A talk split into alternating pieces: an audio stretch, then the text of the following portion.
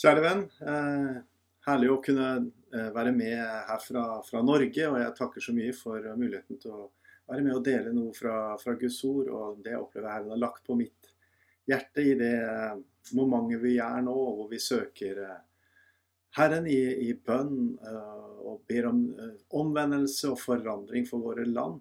Og søker Gud i forhold til at vi trenger virkelig å få oppleve pinsens ild og kraft på nytt i, i våre liv.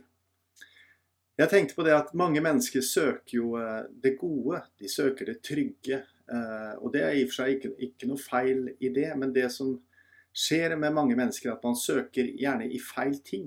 Man søker f.eks. i materielle goder, noen kan søke i rusmidler osv. Og, og noen kan jo havne ordentlig på skyggesiden i livet. Men, men så kan man si at det, eh, det er en del som, som, søker det som da er på en måte generelt bra. Trygghet, man søker eh, gode venner, man søker det som er eh, koselig, som vi sier i Norge, eller mysig på svensk. Man søker det som er, eh, er hyggelig.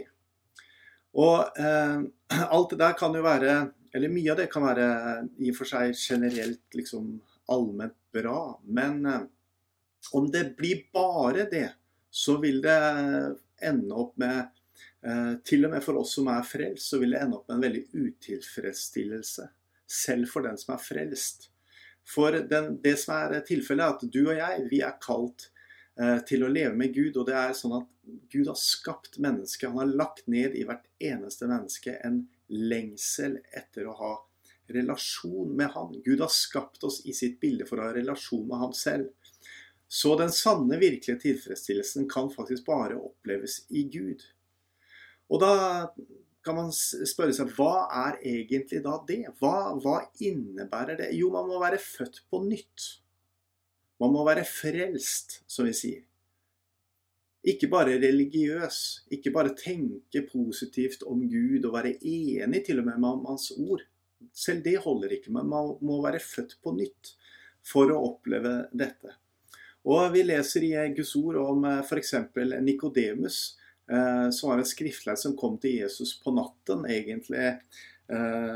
Sånn vi leser det i, i, i, Guds ord, så kan det jo se ut som at han, eh, han, han kom liksom snikende til Jesus på natten.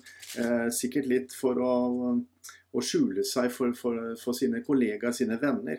Så ville han være alene med Jesus, og så hadde han noen spørsmål. Og han spurte jo da Jesus for han skjønte, han sa til Jesus at jeg, skjønner at du er en lærer sendt fra Gud, sa han. Det står i Johannes kapittel 3. For at ingen kan gjøre disse tegn som de gjør uten at Gud er med ham. Og så begynte Jesus å snakke med Nikodemus at du må bli født på nytt. Og så kan vi lese Johannes evangeliet kapittel 3, eh, og fra vers 5. For Nikodemus han, han spurte Jesus hvordan kan et menneske bli bli født på nytt, som, som, eh, Jesus hadde sagt. Uten at man blir født på nytt, kan du ikke se Guds rike, sa Jesus til Nikodemus. Og Nikodemus misforsto det her, og han, han, han skjønte jo ikke hvordan et, et voksen menneske kunne bli født på nytt i mors mage. Men det var ikke det Jesus snakket om.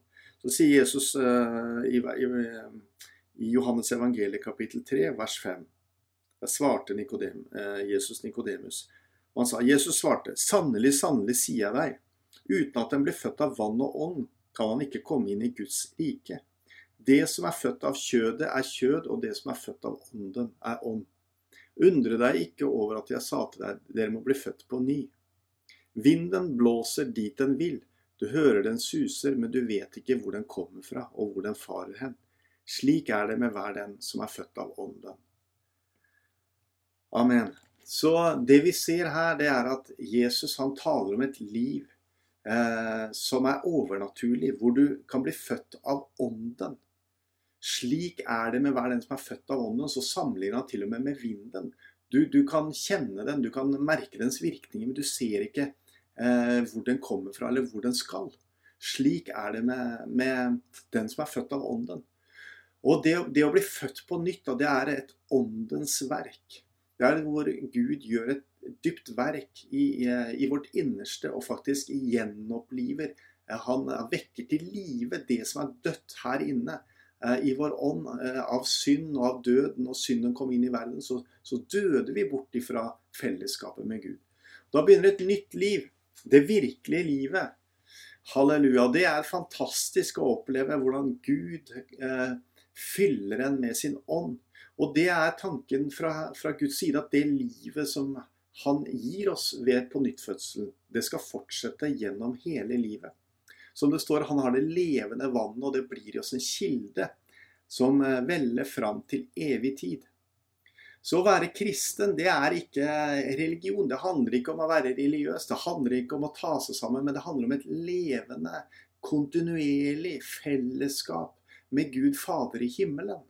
Og Det er fantastisk å kunne kjenne at, at, det er, at det finnes et liv på innsiden som er der hele tiden. Selv når også, når du kan oppleve tunge tider, tunge stunder, når du, når du, opplever motgang, så er Herren med deg også der og hjelper deg og trøster deg og styrker deg og taler til deg og vil føre deg gjennom fra seg eh, og til seier. Så eh, dette livet, når mennesker kommer Ja, men hvordan, hvordan, kan på, eh, hvordan, kan en person bli født på nytt? Som Nikodemus spurte. Og mange mennesker kan også komme spørrende i dag. Og, og, da er det sånn at det egentlig ikke kan forklares. Det kan sammenlignes med, med et, et restaurantbesøk, f.eks. Hvis jeg eh, eller et, Det er et haltende bilde, men for, for å prøve å forklare litt. Det er jo sånn at hvis du eh, er på en restaurant, og så spiser du noe La oss at du har reist til en annen del av verden. Så spiser du noe der som du aldri før har smakt. Eh, noe som man spiser i en helt annen kultur i verden. Og så reiser du hjem igjen, og så skal du prøve å få dine venner til å forstå eh, hvordan det her smaker. Så kan du prøve å beskrive det med alle mulige ord. Eh, du legger på så godt du kan. Eh, men det er likevel sånn at eh, selv om de kan forestille seg hvordan det er her er, så vil de aldri oppleve det fullt og helt og forstå det fullt og helt før de selv reiser dit og får ta del av den maten selv. Sånn er det også med, med Guds rike. Vi kan forklare Guds rike, men vi er egentlig ikke kalt å bare forklare det. Vi er kalt å forkynne det og proklamere det. Og at mennesker må omvende seg. Og der er det forandringen skjer. Og da får man oppleve hvordan Guds rike er. Det er først når du blir født på nytt, når Gud åpner ditt hjertes øyne, at du virkelig, virkelig eh, får se uh, inn i det himmelske og forstå uh, i hvert fall noe av det som Gud har gitt oss. Så forstår vi jo stykkevis og delt, men vi, vi, ser og vi smaker, og vi får lære å kjenne mer og mer og mer gjennom hele livet. Så når man blir født av Ånden, så ser man plutselig ting som man ikke gjorde før. Og Bibelen taler om det. Taler om f.eks. hjertets øyne som får lys. Eh, og eh, Paulus ba jo for efeserne bl.a. Eh, om at de skulle se hvor rik på herlighet den arven er for oss som tror. Og, Jesus selv sa det til disiplene. Han fortalte jo i forvei at han skulle sende Den hellige ånd. Og han sa til disiplene at jeg skal be Faderen og han skal gi dere en annen talsmann. Altså en annen talsmann i mitt sted, eh, sa Jesus, for at han skal være hos dere for evig. Sannhetens ånd. Men så la han til som verden ikke kan få, for den ser ham ikke og kjenner ham ikke. Men dere kjenner ham, for han blir hos dere og skal være i dere. Så det, det er, det, vi, det er egentlig beskrivelse av det, det, vi opplever, og det som jeg har vært inne på, at verden kan ikke forstå. Verden ser ikke. De, det må oppleves her inne. Men dere, sier Jesus, dere som er mine får, mine disipler, dere som er av meg, dere kjenner ham, for han, kan, han vil bli hos dere og være i dere. Det her går igjen flere steder i Guds ord. Eh, Paulus underviser også f.eks. til korinterne. Han sier det, i, eh, det står i 1. Korinterbrev, kapittel 2, vers 14. Så sier han at et sjelelig menneske tar imot Eh, tar ikke imot det som hører Guds ånd til. For det er en dårskap for ham, for han kan ikke kjenne det. Det kan bare bedømmes på åndelig vis. Så det som hører Guds rike til, det som hører Guds ånd til, det kan være som en dårskap for verden. Og de går glipp av hele greiene. Og, og eh, Judas han er inne på det samme i sitt brev. Han sier at disse er det som han, han, sier faktisk en, en, veldig spesiell ting. Han sier disse er det som skaper splittelse. De er sjelelige mennesker som ikke har ånden. Så mennesker som til og med vil det beste, men som ikke har Guds ånd, men som bare liksom tolker Guds ord ut ifra sin fornuft her oppe, de vil, eh, de vil, ofte ta feil beslutninger. De kjenner ikke livet. De kjenner ikke strømmen. Hvor Den hellige ånd eh, trykker på. Hvor Den hellige ånd blåser. Og så vil de eh, trekke eh, slutninger og ta valg og beslutninger ut ifra et kjødelig eller sjelelig sinn. Og det vil skape splittelse i Guds forsamling, i Guds rike. For de som er av ånden, de kjenner at 'nei, men det her stemmer ikke'. Vi kjenner det her. Og, og, og, og der kommer det et skille eh, i Guds rike. Og det står at eh, hvetekornet og også ugresset skal vokse opp eh, side om side helt til enden. Så, så, det kan være som en smerte man kan oppleve. Eh, det kan være mennesker som, som, som virker så fine, virker så fromme til og med. De vil søke Gud, og, og, og, men, men, de må bli født på nytt. Man, og For å bli født på nytt så må man legge ned sitt eget. Man må, man må dø helt ifra seg selv. For det kan være noe i, i, i, i vår stolthet, det menneskets kjødelige stolthet, som vi, vi, vil klare ting, vi vil forstå ting, vi vil, vi vil uh, fortjene uh, Gjøre oss fortjent til å, til å, motta på en måte velsignelse fra Gud. Men det er ikke sant det står at Herrens velsignelse skal jo etterjage oss. Vi bør ikke være redd for at Herren vil velsigne oss. Men hvem er det han velsigner? Jo, det er de som først og fremst søker Gud foran alt annet. De skal ikke mangle noen ting, står det. Så, så det er eh, egentlig stikk i, i, i, strid, eller tvert imot eh, religion, det kristne livet. Det, det, det, er egentlig ikke forenlig i det hele tatt. Det kristne livet har ingenting med religion å gjøre. Religion er menneskeskapt, og tungt og vanskelig å følge bud og regler. Men det klarer vi jo egentlig ikke. Og det er det Gud har vist oss. Eh, og, og, at, at, og derfor han måttet sende da sin sønn Jesus Kristus som tok all verdens synd på seg. Men så takk og lov så lot han oss ikke være igjen her alene på jorda, men han har blåst sin ånd inn i oss, og det gjør hele forskjellen. Og Johannes sier det i sitt brev, eh, et fantastisk vers i 1. Johannes brev kapittel 4 og vers 13, så sier Johannes av dette kjenner vi at vi blir i ham, og han i oss, at han har gitt oss av sin ånd. Så det kristne livet hviler egentlig på det her. Hadde det ikke vært for at jeg hadde hatt Den hellige ånd, så hadde jeg ikke kunnet leve det kristne livet. Da hadde det ikke vært noe levende tro. Så det kristne livet hviler helt og fullt på det her. Men så vil noen kanskje si ja, men vi har jo Guds ord. Det er jo Guds ord som det kristne livet hviler på. Ja, det, det er sant, men det er eh, Ånden gjør jo ordet levende. Vi legger ikke noe til Guds ord, men det er Den hellige ånd som gjør ordet levende, gjør denne Eh, boka her levende eh, for meg. Så det blir liv.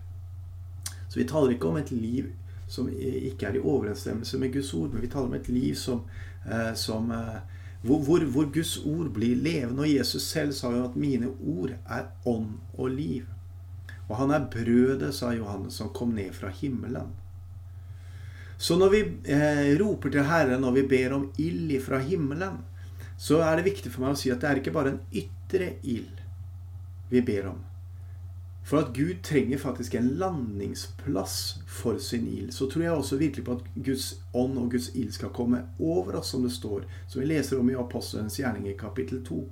Men det er viktig å forstå at Guds ild faller ikke hvor som helst eller når som helst, men på et offer. På, på Øvre salen der på pinsedag for 2000 år siden så falt Guds ild på på en utvalgt skare som hadde ropt og søkt Herren i mange mange dager etter at Jesus for opp til himmelen. For Jesus hadde jo sagt at eh, de skulle bli værende i Jerusalem inntil de skulle motta det som Faderen hadde lovt. Selv om han hadde gitt en misjonsbefaling, så sa ikke Jesus at nå, nå kan dere bare reise ut til, til, til alle jordens land. Han ga dem en misjonsbefaling at de skulle dra ut til verdens ender. Men han sa likevel 'bli værende og vent på det som Faderen har lovt'. Så, eh, så det, var en, det, var et spesielt øyeblikk. Det var, et, en, en, forventning som Gud hadde lagt i deres hjerter, og de søkte og, og, ventet på det som Jesus hadde sagt, og som Faderen hadde lovt. Så, men, men, så det var en forberedt skare. Det var en forberedt et for, forberedte hjerter, kan du si, som ventet på at Gud skulle fylle dem med sin ånd og sin kraft. Og du kan si at det, det som er viktig for oss i dag, det er eh, det, når, de, når, det kommer til dette med å, å, få Guds kraft, og det er mange som forkynner om, om Den hellige ånd og Den hellige ånds ild og hellige ånds kraft, at man ikke bare søker manifestasjoner eller søker opplevelser, men man søker eh, eh, eh Gud selv. For det er Guds ånd, og det er ikke hvilken ånd som helst. Det er en hellige, hellig ånd. Det er Den hellige ånd. Så, eh, så Den hellige ånd trenger en landingsplass. Og hvor er det Den hellige ånd eh, skal falle? Den hellige ånd faller med sin ild eh, på alteret. Der hvor det er et offer, der ser man at Guds ild faller. Sånn var det i Det gamle testamentet, men det er faktisk eh, fortsatt sånn. At, og Guds ild virker fra innsiden og, og, og ut. Så Gud er Gud er en ordens gud. Han strør ikke bare rundt seg med sin ild på måfå, kan du si. Det kunne blitt riktig farlig. kunne blitt hvis, hvis Guds ild kommer på en måte i hendene på mennesker som har helt urene motiv osv., så, så så er det ikke bra. Så Guds ild virker jo fra innsiden og ut. Så i den grad du søker Guds ild og Guds kraft, så søk Gud selv. Søk eh, Herren selv, at ditt hjerte skal være i stadig berøring med Han, både i bønn, men også i Hans ord. At du kjenner at du søker eh, ikke bare Guds hender, Guds kraft, men du søker Hans ansikt, du søker Hans hjerte. For eh, ilden, kraften, som skal kanaliseres ut eh, til verden gjennom deg og meg, den trenger eh, å bevares her. Den trenges å beskyttes her inne. Så det ikke liksom blir til skade for mennesker. Men at, at, du kan kjenne hva ilden skal brukes til. At du underordner deg også Gud. At Guds kraft og Guds ild får være underordnet det som Herren vil virke fram i gjennom deg og meg og i sin eh, menighet, sin forsamling. Så og så er det også sånn at det, det, skal jo være noe som er pågående kontinuerlig. Det skal være finnes stadig ild på alteret, som jeg sa. Eh, og i Romerbrevet kapittel 12 vers 11 så sier eh, Paulus Vær ikke lunkne i iveren, men vær brennende i ånden og tjen Herren. Så du vet, det går an å være ivrig men det er noe annet. Det, man, og man kan være ivrig og man kan være lunken ivrig, men, men, men, det finnes en større, en dypere dimensjon å være brennende i ånden og tjene Herren. Og det vil Gud at du og jeg skal være. Og I neste vers så sier Paulus 'Vær glade i håpet, tålmodig i trengselen og vedholdende i bønnen'. Og Jeg tror ikke det er tilfeldig at det står der, for det å være vedholdende i bønnen, det er nettopp med på å holde deg brennende i ånden. Så om du i bønn og i ditt hjerte, når du søker Gud, ydmyker deg for Ham, søker Gud av et rent hjerte Ikke at du er fullkommen, men du ønsker å være ren. Du ønsker å være Gud til behag. Og du omvender deg så straks Herren lyser på noe i ditt liv. Og du også opplever deg selv, som det står i Guds ord, på din høyelige tro og be i Den hellige ånd. Så, og Det er veldig viktig å gjøre så flammen kan holde stadig brennende i ditt liv. Be i tunger, be i Den hellige ånd. Da behøver du ikke lure på om Gud vil fylle deg med sin kraft. Han eh, vil fylle deg. Han lengter etter å fylle deg med sin kraft. Og, øh, om, og hvor jeg skulle ønske at øh, øh, Guds ild, min ild, allerede var tent her på jorden, sa Jesus. Han, han, har, han har kommet for å kaste ild på jorden. Så du behøver ikke å lure på om Gud vil fylle deg med sin kraft. Det du trenger å egentlig først og fremst å fokusere på, det er at ditt hjerte får være en landingsplass der Herren kan bo. Der han får være der over tid med sin ild og sin kraft. Og at det kan bli til nytte, til velsignelse ja, for deg selv, eh, naturligvis, men først og fremst for andre. Det er sånn at salvelse, Når Gud salver et menneske, så er det aldri ment for det mennesket selv. Guds ild er ment å strømme ut til en verden, til en fortapt verden. Mennesker som trenger eh, å, å, kjenne Guds kraft. Så du vet at det handler ikke om, eh, egentlig om først og fremst om deg og meg heller. Guds ild, Guds kraft, det handler om å, at vi skal bli stansatt for å nå ut til en verden som er fortapt, som trenger å høre evangeliet og, og, kjenne kraften. Kjenne at her er det noen som har en ånd som er brennende. Kjenne at her kommer jeg i en berøring med et menneske som har opplevd Gud i sitt liv. Her er det ikke bare ord, her er det også kraft, her er det liv. Her er det noe som er ekte. Og det er det, det er det, eneste som fungerer. Og det er det djevelen er redd for. Det er det som er ekte. For det er det som fungerer. Ikke religiøse øvelser, som Paulus også skrev til kolosserne. Han skriver i Kolosserbrevet kapittel 2 at religiøse øvelser det er bare til tilfredsstillelse for kjødet. Det er bare kjødelig. Det duger ikke til noen ting. Det er bare av det onde og ikke av det gode. Så vi trenger å søke Herren om det som er ekte. Og det er sånn at det, som jeg sier, det er ingen, det er ingen snarveier. Hvis vi, eh, vi lager, snar, lager, noen snarveier, vi mennesker iblant, så blir det eh, bare omveier, dessverre. Snarveier ender opp med å være omveier. Men Guds salvelse vil komme mektig eh, over den som innvier seg og forbereder seg i denne tiden. Jeg tror personlig at Herren vil reise opp mange nye troshelter. Slik som det står om Davids helter, f.eks. Ved tro seiret de over kongeriker. De håndhevet rettferdighet, fikk løfter oppfylt, stoppet gapet på løver, stoppet og slukket ildens kraft, slapp unna sverdets egg, fikk styrke til sykdom, ble veldig i krig og fikk fiendens hærer til å vike. Slike helter ønsker Gud å reise opp igjen i dag, i vår tid. Men da står det også videre i fortsettelsen, eh, etter at, at Hebreerbrevets forfatter, som vi regner med er, eh, eller mange mener da er Paulus, da han skriver om, eh, om trosheltene i Hebreerbrevet kapittel 11, om det her, om Davids helter bl.a. Så står det da videre i fortsettelsen i Hebreerbrevet 12, så la oss derfor legge av La oss derfor legge av alt som tynger, og synden som så lett henger fast ved oss, og løpe med tålmodighet i den kamp vi har foran oss. Så du vet, for å eh, bli som en Davids helt eh, At du kjenner at ved tro så seirer du over denne verden. Sånn som de den gang seiret over kongeriker. Så kan vi oppleve det at eh, Gud fyller oss med sin kraft og gir oss styrke. Så vi kan se eh, at gapet på løver blir stoppet. Og vi kan slippe unna sverdets egg. Vi kan også oppleve Guds overnaturlige befrielse fra ulykke, fra plager.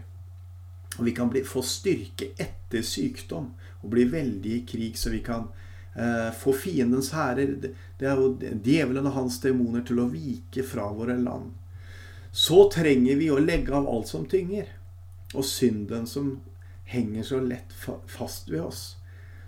Og løpe med tålmodighet i den kamp vi har foran oss. Ja, hvordan kan du løpe med tålmodighet i den kamp som du har foran deg? Jo, Herren vil gi deg den kraften, den nåden, den styrken du trenger. Til tålmodighet, til striden. Når du legger av det som tynger, når du søker Han, når du sier 'Herre, det her er ikke godt, det her er ikke eh, dine byrder', men hans og hans byrder, det er godt, det er lett å bære, det er gagnlig, står det. Så når vi søker Han og legger av det som hindrer, legger av synden, omvender oss eh, på dypet i våre hjerter eh, Ikke forsøker å gå noen snarveier, lage noen egne veier, men gå den veien som Herren staker ut. Da vil vi oppleve Herrens velsignelse og nåde og kraft. Og da tror jeg virkelig på at vi skal se forvandling i våre, våre land og i tiden som ligger foran. Gud velsigne deg.